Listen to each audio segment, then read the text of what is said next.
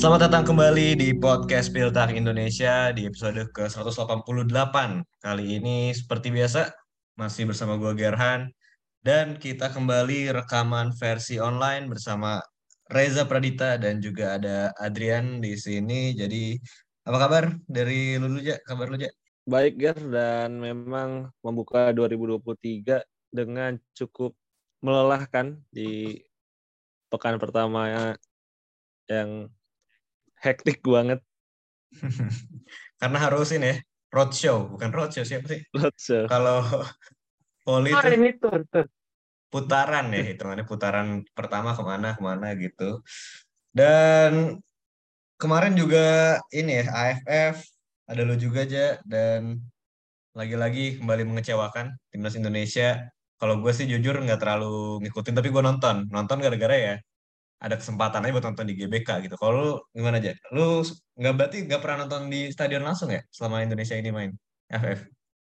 Enggak sih. Dan gue juga kayaknya seandainya ada kesempatan juga kayaknya gue Males ya? kalau sekarang-sekarang nggak nonton gue lagi males ke stadion. Padahal lu tahu sendiri kan gue eh, sebenarnya semangat kalau dulu stadion tapi Iya. sekarang lagi lagi apa ya? Lagi belum dapat feel-nya aja buat balik ke stadion. Padahal dulu gue lawan yang Kamerun abal-abal, lawan apa gitu juga Lawan. Islandia kita nonton ya pembukaan GBK. Islandia pembukaan GBK nonton bareng. Iya bener. Woodson hat trick. Temukan hat trick. Tapi emang ini sih eh, walaupun ya di stadion sih rame gitu sempet sold out juga nggak salah tapi emang kayaknya nggak gembor-gembor juga banyak orang yang sejak tragedi Kanjuruhan jadi menurun tingkat keinginannya menonton sepak bola Indonesia dan didukung juga dengan permainan timnas yang menurut gue nggak sebagus di babak apa ya, kualifikasi Asia kemarin ya menurut gue sih jauh banget kayak kayak banyak Bahkan lawan mandul gitu. Lagi paling dekat lawan Curaçao jauh banget. Iya, lawan Curaçao juga itu udah oke loh mainnya. Kalau dari lu sendiri gimana, Tri? Mengikuti perkembangan timnas di AFF kemarin apa gitu-gitu aja? Oh, gue ngikutin sama kayak lu, Ger, tapi ya nggak serius-serius banget lah. Tapi memang sangat terlihat sekali penurunan kualitas sih dari seluruh lini ya. Apalagi waktu lawan Vietnam nih, gue sampai bingung gitu. Ini main bolanya di tengah doang.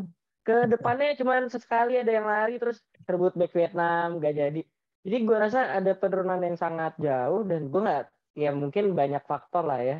Tapi hal-hal kayak gini kok masih bisa terjadi ya katanya kan eh, maksudnya level sepak bola kita permainannya sudah meningkat tapi kok eh, ya seperti yang tadi udah bilang lawan Kurakau bagus tapi bisa-bisa lawan eh, di AFF di AFF kali ini bisa sangat menurun. Dan gue nggak tahu sih alasannya kenapa karena menurut gue sih sangat jauh ya. Iya bener. Jadi lagi-lagi memang ya sepak bola timnas kayaknya masih belum berjalan ke depan gitu masih di situ-situ aja dengan kepengurusan yang juga ya PSSI kita tahu sendiri kritik di mana-mana. Tapi memang ini bukan ranahnya kita ya untuk membahas sepak bola Indonesia. Jadi kita stick to- Rananya Labib ya. ranahnya lebih ranahnya umpan tarik. Jadi kita stick to sepak bola Jerman aja yang masih sampai saat ini eh, klub-klub Bundesliga masih training camp di berbagai tempat ya. Ada yang ke Qatar lagi itu Bayern Munchen, terus Werder Bremen ke Spanyol, Dortmund ke Madrid, Dortmund. sama Spanyol juga kok nggak salah ya Spanyol juga ya. Marbella ya namanya Mm. Iya benar-benar. Kalau nggak, ya kayaknya dekat-dekat doang deh kalau di musim eh, dingin kayak gini untuk mencari cuaca yang lebih panas gitu kan. Jadi di episode kali ini kita bakal ngomongin beberapa latest update ya di Bundesliga. Jadi ada apa aja kita kira aja kisi-kisi. Kisi-kisinya kita bakal ngebahas eh, pergantian terbesar di minggu pertama bursa transfer musim dingin Bundesliga yaitu eh, Nikolai Rapp ya kan yang pindah. Nikolai Rapp. legend, legend di FM kalau Nikolai Rapp tuh gue suka beli. Eh, kita bakal ngebahas Dale Blin, kemudian juga Kevin Skade dan Georgino Rut kemungkinan bakal pindah ke Leeds serta nanti ada update tambahan mengenai pemain yang kita masih tunggu-tunggu debutnya bersama Dortmund yaitu Sebastian Haller. Ya, jadi kita nggak bakal bahas banyak-banyak sih, cuma segitu aja ya. Kira-kira paling ya nggak tahu nih bahas banyak tiba-tiba lama juga biasa gitu kan. Nggak bahas banyak tiba-tiba udah jalan setengah jam. Dari yang paling mungkin out of nowhere sih kalau menurut gue nih. Ada pembelian dari bukan pembelian. Bayern Munchen yang mendatangkan pemain free agent dari Ajax ya. Dale Blin, ini nggak diduga-duga tiba-tiba udah kayak Hamin satu keluar eh, beritanya dia udah di bandara menuju Bayern Munchen dan ternyata Berlin datang gratis dan gue juga baru tahu ternyata dia free agent ya setelah dilepas Desember kemarin sama Ajax tuh kabarnya juga untuk menggantikan perannya Lucas Hernandez di bek kiri yang uh, ditinggal cedera sampai akhir musim Lucas Hernandez kalau lu sendiri nanti gimana aja Dale Blin ini kan bisa dibilang pemain yang udah cukup berumur ya 32 tahun dan bisa dibilang tidak punya kecepatan ya. tapi tapi dia punya apa ya yang disukai sama Nagelsmann kan versatilitas nih pemain-pemain yang biasanya suka banget nih Nagelsmann sama pemain kayak gini. Kalau menurut lu bagaimana perannya dia bakal di Bayern Munchen nanti ya? Kalau buat peran sih menurut gue bakal sama uh, Lucas Hernandez ya karena posisinya pun di left back juga bisa. Jadi menurut gue secara posisi ini memberikan kedalaman yang sama persis ketika Lucas Hernandez belum cedera gitu. Tapi kalau untuk peran ini mungkin bakalan beda dengan Lukas karena kalau Lukas gue rasa mau main sebagai left back ataupun center back dia bakal selalu jadi pemain inti di tim Bayern menurut gue juga kalau sekarang Lukas back terbaik yang dimiliki oleh Bayern menurut gue e, kalau dia Libdin gue rasa sih dia bakal lebih ke serep ya jadi back kiri utama kemungkinan besar diisi sama Alfonso Davis yang kalau kita lihat itu di center back masih si Dayot sama siapa? Sama Mati, Mati Delih ya. Delih ya. Iya, nah menurut gua Blin nanti bakal jadi serep karena Bayern kan juga masih lawan PSG di Liga Champions, masih main di DFB Pokal, jadi emang butuh kedalaman di sana khususnya di posisi left back karena kalau di left back kan Bayern bener-bener nggak punya backup taruh sponsor Davis lagi kan. Beda sama center back yang masih bisa ngegeser misalnya Benjamin Pavard ke tengah. Nah kalau yang di back kiri gue rasa emang butuh sosok yang bisa memberikan kenyamanan buat bertahan ketika momen-momen krusial kayak di Liga Champions. Sekarang kita tahu kan Bayern musim lalu lawan Villarreal juga kalahnya karena hal-hal kecil kayak gitu kan. Dan uh, ini nice move sih. Gue gue seneng banget. Walaupun gue bukan fans Bayern tapi gue senang melihat Deli Blin bagaimana perjuangannya setelah di United walaupun gak buruk-buruk amat tapi kan musim terakhirnya bener-bener hancur dia di United tapi bisa recovery performanya. Bahkan kita lihat di Piala Dunia 2022 juga mainnya menurut gue salah satu yang paling konsisten di Belanda. Meskipun pada akhirnya dia harus putus kontrak dengan Ajax dengan cara yang tidak baik-baik kan isunya karena Ajax kalau mainin dia empat pertandingan lagi, uh, Deli Blind bakal secara otomatis kontrak dengan gaji Deli Blind yang besar dan juga katanya ada lagi-lagi friksi dengan Alfred Sroidiola.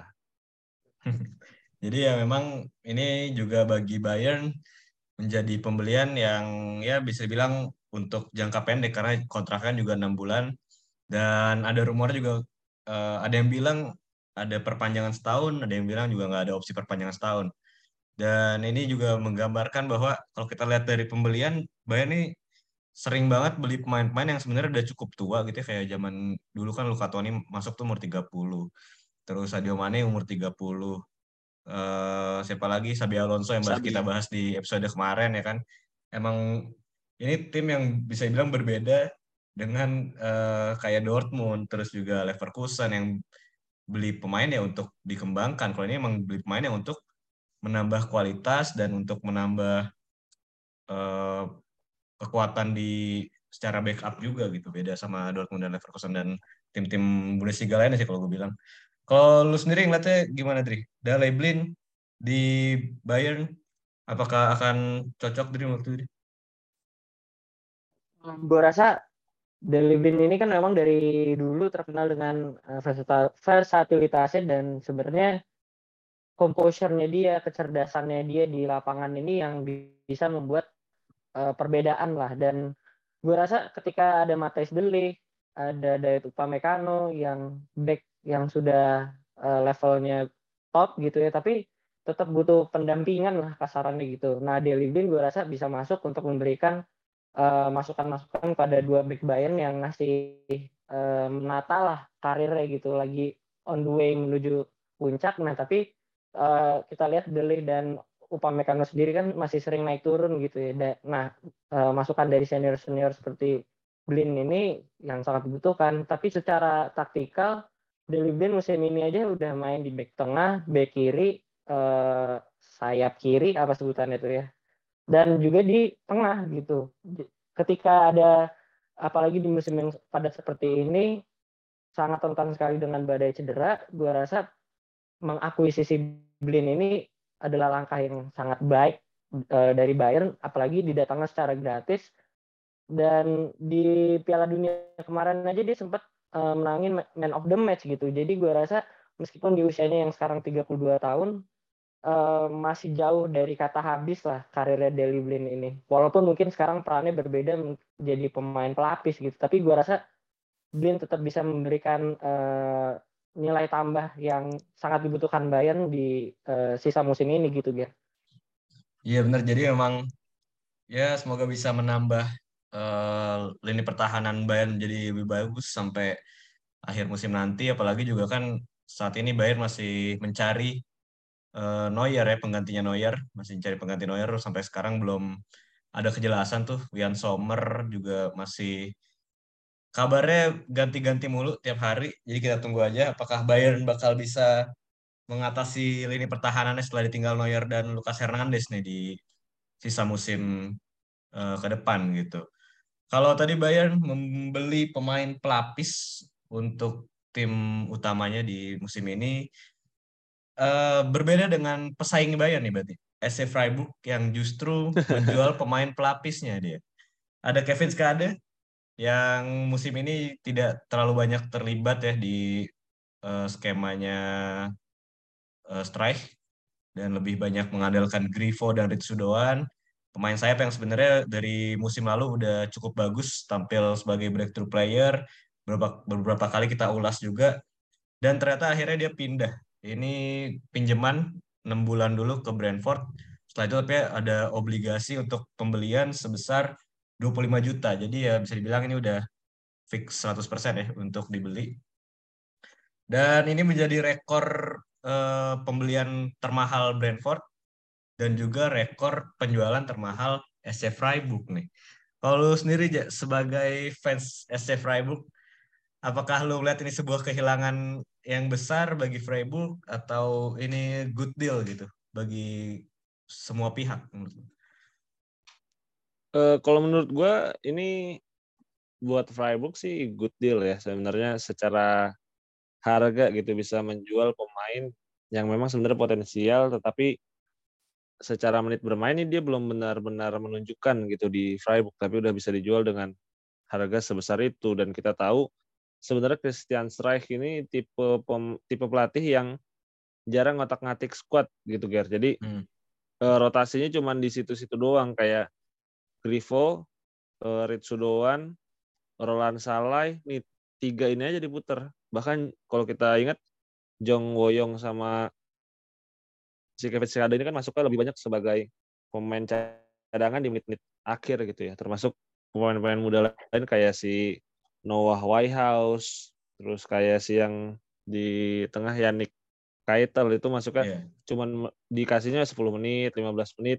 Nah, tapi kalau dia udah percaya sama pemain, bisa jadi kayak Kylian Sildilia gitu. Nah, gue nggak ngeliat Kevin Skada nih dalam waktu dekat bisa naik level kayak Sildilia kalau kita ngelihat sayap-sayapnya Dortmund, eh sayap-sayap Dortmund, sayap-sayapnya Freiburg mainnya bagus-bagus banget. Grifo jadi peak performance musim ini. Kemudian Resudoan juga sejak datang bagus banget dan jadi gue setuju kalau ini jadi good deals buat semua pihak.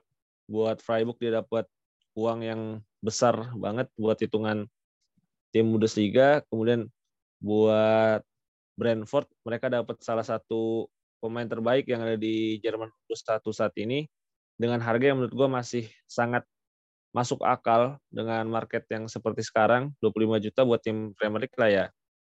Hmm. Uh, pengeluaran sehari-hari lah ngeliat Nottingham Forest bisa sampai 23 pemain gitu kan. Uh, terus buat Kevin Skadenya sendiri dia bakal pindah ke tim yang menurut gua secara skema lebih cocok Ger dibandingkan dia di iya. Freiburg. Yeah. Kalau lihat Thomas Frank di Brentford kan dia main dengan 352. Nah, gua rasa posisi terbaiknya Kevin Skade tuh ada di striker. Jadi uh, dia striker tapi nggak sendiri gitu. Kalau di Freiburg dia harus menggeser Gregoritsch yang jadi striker tunggal. Nah, kalau di Brentford dia bisa dipasangin sama Beumo sama Ivan Tony, Wisa gitu nah. Karena Kevin Skade ini kalau gue lihat dia tipe penyerang lubang yang nyaman bawa bola tapi headernya juga bagus gitu karena kalau kita lihat sama timnas junior Jerman malah golnya lebih banyak dari sundulan dan timing dia ngelompat walaupun nggak tinggi tinggi banget juga timing buat headernya tuh bagus banget jadi gue sih berharap eh, Skada bisa dapat menit main yang lumayan banyak di Brentford apalagi kalau misalnya Ivan Tony beneran bakal dapat suspension yang panjang gitu. Jadi uh, eh, gue rasa Kevin Sade juga bakal bisa bersinar di Premier League. Ditemenin nanti sama Vitali Janer. Jadi ya okay. ini deals yang menurut gue menguntungkan buat semua pihak ya. Iya bener sih. Gue lihat juga ini menjadi secara taktikal Kevin Skade di Freiburg musim ini juga menurut gue sudah kehilangan tempat lah karena Ritsudoan begitu masuk dia langsung mengunci tempat itu buat dia secara tipikal Doan terus juga Grifo dan Skade itu kan tipikalnya berbeda semua. Gue setuju sama lu kalau Kevin Skade ini lebih mirip uh, penyerang lubang ya yang datang dari second line masuk ke kotak penalti untuk menyambut sepak eh, menyambut bola gitu. Sementara kalau Doan dan Grifo ini tipikal yang uh, nge-carry ball gitu dan bisa playmaking dan Skade ini lebih punya insting cetak gol yang berbeda gitu sama Doan dan Grifo. Sementara di Freiburg sendiri kan udah datengin Gregoritsch dan juga Kofi Kere yang bisa dibilang ini menjadi uh, solusi lah di musim ini di lini depannya dia. Dan 25 juta juga harga yang masuk akal sih untuk klub Brentford karena dia kalau nggak salah tuh tadinya pembelian termahalnya adalah Ken Louis Potter yang harga sekitar 20 juta tuh dari Hull City. Bayangin. Yang kemarin yang kemarin debut juga Kevin Skade gantiin si Louis Potter itu. Oh, udah debut ya? Kade? Udah debut. Oh udah debut, iya bener. Jadi emang menurut gue ini ada puluh juta ya nggak ada apa-apanya lah untuk apalagi ini kan kelasnya bisa dibilang kelas pemain uh, divisi satu dibandingkan Louis Potter yang divisi dua berarti kan di Hull City gitu. Kalau lu sendiri gimana Dri melihat perpindahan Kevin Skade ke Brentford ini Dri? Uh, ini apa kepindahan pemain yang sangat unik gitu ya ketika sebenarnya Brentford sudah cukup banyak di situ ya dan Beumo, Luis Potter, sekarang ada Yohan Wisa. Cuman karena ya itu tadi ya dinamis sekali eh, pergerakan di Liga Inggris terutama Ivan Toni yang bermain sangat bagus musim ini bisa terkandung skandal di luar lapangan. Nah, akhirnya memaksa menurut gue Brentford untuk cari-cari eh, pemain-pemain yang punya tipikal kurang lebih sama lah gitu ya Uh, tapi yang jelas Kevin Kade ini adalah uh, uh, pemain yang digagalkan oleh kesuksesan klubnya kalau menurut gue. Karena Richard Doan menurut gue didatangkan karena Freiburg juga butuh pemain pelapis yang sama baiknya dengan pemain intinya gitu. Dan Kevin Kade musim lalu cukup bisa dibilang uh, debutan yang baik setelah promosi dari Freiburg U23 sama Freiburg 2 kalau nggak salah. Jadi ya kepindahannya ke Brentford apalagi di Brentford juga terkenal dengan pelatih yang progresif Thomas Frank uh, dan juga dikenal dengan sangat baik pembinaan usia mudanya gue rasa ini kepindahan di jalur, jalur yang baik gitu dan gue sih berharap dengan semakin banyaknya pemain Jerman yang keluar dari Bundesliga bisa menambah apa ya namanya ya pengalaman dan uh, taktikalnya juga kejeniusannya juga bertambah gitu dan gue harap Kevin Schneider bisa masuk ke tim intinya sih. Ya kalau saingannya Louis Potter harusnya bisa lah. iya sih benar benar. Gue juga setuju nih kalau emang uh, secara pelatih nih Thomas Frank lebih baik daripada pelatih-pelatih Inggris gitu. Gue bakal kecewa misalkan uh, Skade pindahnya ke West Ham atau enggak ke Everton. Nah itu yeah. udah kayak kemungkinan ke depannya malah hancur tuh karir nih. Dan ini Thomas Frank kan kita tahu Ivan Toni di Poles jadi bagus. Terus juga uh, Mbeumo, terus juga si Yohan Wisa yang walaupun pelapis tapi ternyata kemarin bisa hampir hat trick lawan Liverpool. jadi ya, walaupun ya ini sebenarnya bisa juga dibilang menjadi kehilangan uh, talenta Jerman ya di Freiburg. Tapi ya kita percaya Freiburg juga salah satu tim yang juga bisa menghasilkan banyak pemain muda lagi gitu dari akademinya. Uh, lanjut ada pemain yang sama-sama uh, pindah ke Liga Inggris tapi ini belum resmi ya. Ada pemain dari Hoffenheim, Jorginho Rutter yang juga masih umur 20 tahun kalau nggak salah. Dan baru datang sekitar satu setengah musim yang lalu atau satu musim yang lalu gue lupa. Tapi sudah bisa dibanderol seharga 20 sampai 30 juta dan akan dibeli oleh Leeds United kabarnya. Ini juga diperkuat dengan adanya Hoffenheim siapa yang bilang kalau nggak salah sporting directornya bilang emang pas training camp Hoffenheim ini dia udah nggak ikut latihan karena emang sedang dikaitkan dengan klub lain. Jadi kan ini sebuah sinyal kuat ya bahwa Rutter akan pindah ke Leeds United dan di satu sisi juga Hoffenheim udah mengunci pemain pinjaman Kasper Dolberg yang bisa dibilang ini juga punya uh, posisi yang sama itu striker walaupun secara permainan gue lihat sih Rutter ini pemain yang lebih luas, pemain yang lebih hardworking, bisa nge-carry bola dari belakang ke depan dan beda beda dengan Dolberg kalau menurut gue. Kalau lu sendiri ngeliatnya gimana aja? Gregini Rutter apakah layak untuk dihargai 30 juta? Uh, nggak masuk akal sih sebenarnya. uh, uh, tapi ya kalau buat tim Liga Inggris pada akhirnya harga segini bakalan keluar sih karena uh, Rutter ini kan usianya masih 20 tahun.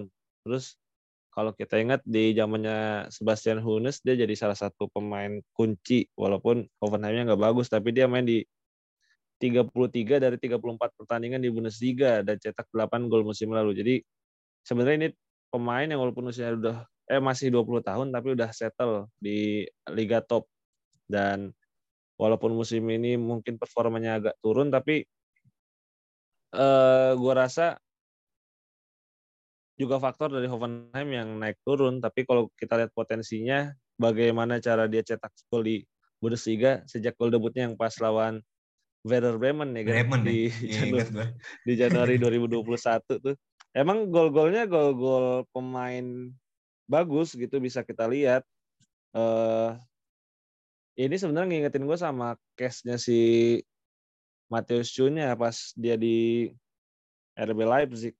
Uh, golnya nggak pernah jelek gitu kan. Golnya bagus-bagus semua. Tapi apakah potensi ini bisa menemukan klub terbaik atau enggak? Ini yang jadi pertanyaan gitu kan.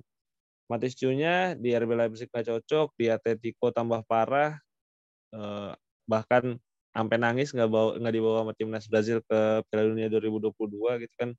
Nah ini yang gue khawatirkan dengan Matis Cunya. Apakah eh Matis Cunya dengan Jorginho Rutter apakah nanti Leeds United ini jadi tim yang cocok dengan dia atau enggak? Karena kalau kita lihat mainnya Leeds nih benar-benar beda dengan Hoffenheim ketika dia bersama Sebastian Hunes, sama Andres Barreton-Reiter gitu kan. Leeds mainnya benar-benar ya kayak Jesse Mars pas di inilah di RB Leipzig gitu benar-benar menggempur lawan uh, pressingnya ugal-ugalan banget gitu kan nyerangnya cepat banget. Leeds tuh tim yang paling direct serangannya di Premier League. Waktu dia untuk menguasai bola itu jadi yang paling terminim di Premier League. Jadi artinya Router juga harus bisa banyak dribble sedangkan gue nggak melihat Jorginho Rutter nih tipe striker yang kayak gitu. Dia tipe pemain yang nyaman menguasai bola di dekat kotak penalti untuk kemudian bikin perbedaan gitu. Sebenarnya Leeds cocoknya tuh striker-striker yang emang kayak si Rodrigo kan.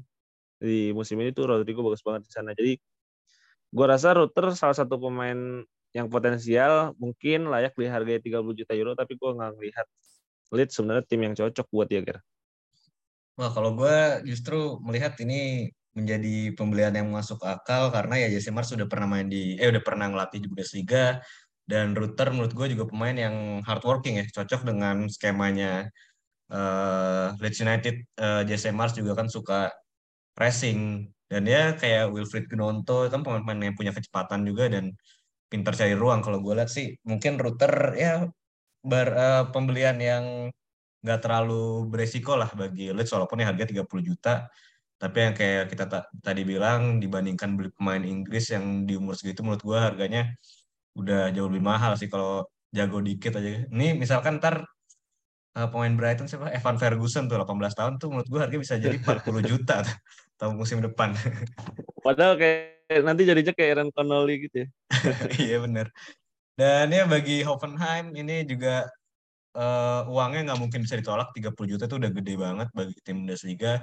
Dan kita tahu sendiri Hoffenheim sendiri kan memang juga uh, sedang butuh uang. Karena kemarin juga kalau nggak salah uh, taktik pembeliannya juga jual dulu baru membeli gitu. Jadi ini menjadi fresh money yang sangat berharga lah bagi Hoffenheim untuk menjalani musim ke depannya nih. Dan apakah bakal beli lagi juga masih kita tunggu aja. Uh, bentar. Ini lu mau ngomongin ngomongin router dulu apa langsung Haller nih, Dri? Udah tinggal 10 menit. Betul banget ya? Langsung? Langsung aja ya? Uh. Oke. Okay. Next kita masih membahas seputar striker. Kalau tadi striker yang sudah cukup settle di Bundesliga akhirnya cabut gitu.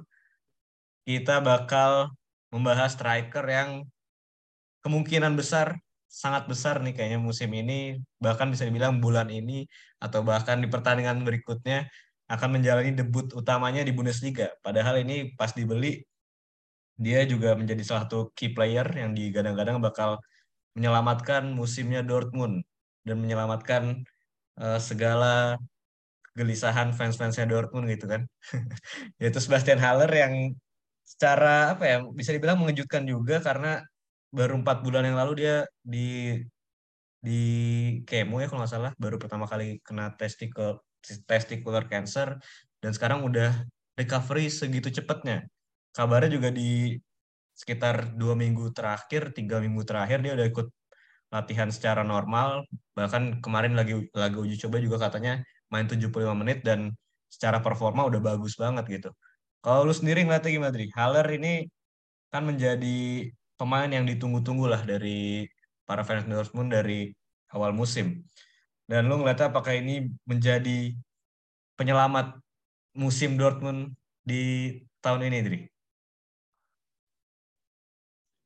Uh, ya pasti harapan kayak gitu sih. Cuman yang harus diingat juga adalah Haller ini bukan kena cedera biasa, ini sebuah uh, sebuah penyakit yang bisa dibilang sangat berat untuk dijalani gitu ya. Jadi harus Dortmund pun juga harus gak boleh gegabah untuk langsung mainin Haller terus-terusan.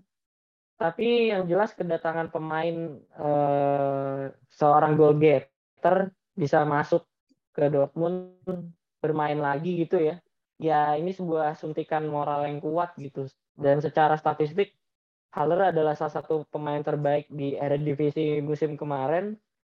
Sudah nyaman juga main di Jerman di Frankfurt sebelumnya sehingga memang harapan sudah pasti dari Haller adalah untuk mencetak gol yang sama persis dengan apa yang dibutuhkan Dortmund gitu. Jadi uh, meski begitu harus tetap sabar, tapi setidaknya Ger ada harapan di setidaknya mungkin di bulan Februari atau bulan Maret gitu ya, di mana Haller match fitnessnya makin bagus, ya semoga nggak ada apa-apa lagi, bisa langsung masuk ke starting eleven lah gitu dengan Eh, beberapa mungkin pertandingan di divisi bawah dulu ya sama Dortmund Junior ya inilah yang memang diharapkan yaitu pengganti Halan gitu biar ya sudah pasti harapan akan banyak uh, harus dipanggul oleh Halan musim ini walaupun di setengah musim pertama dia uh, apa nggak bisa main.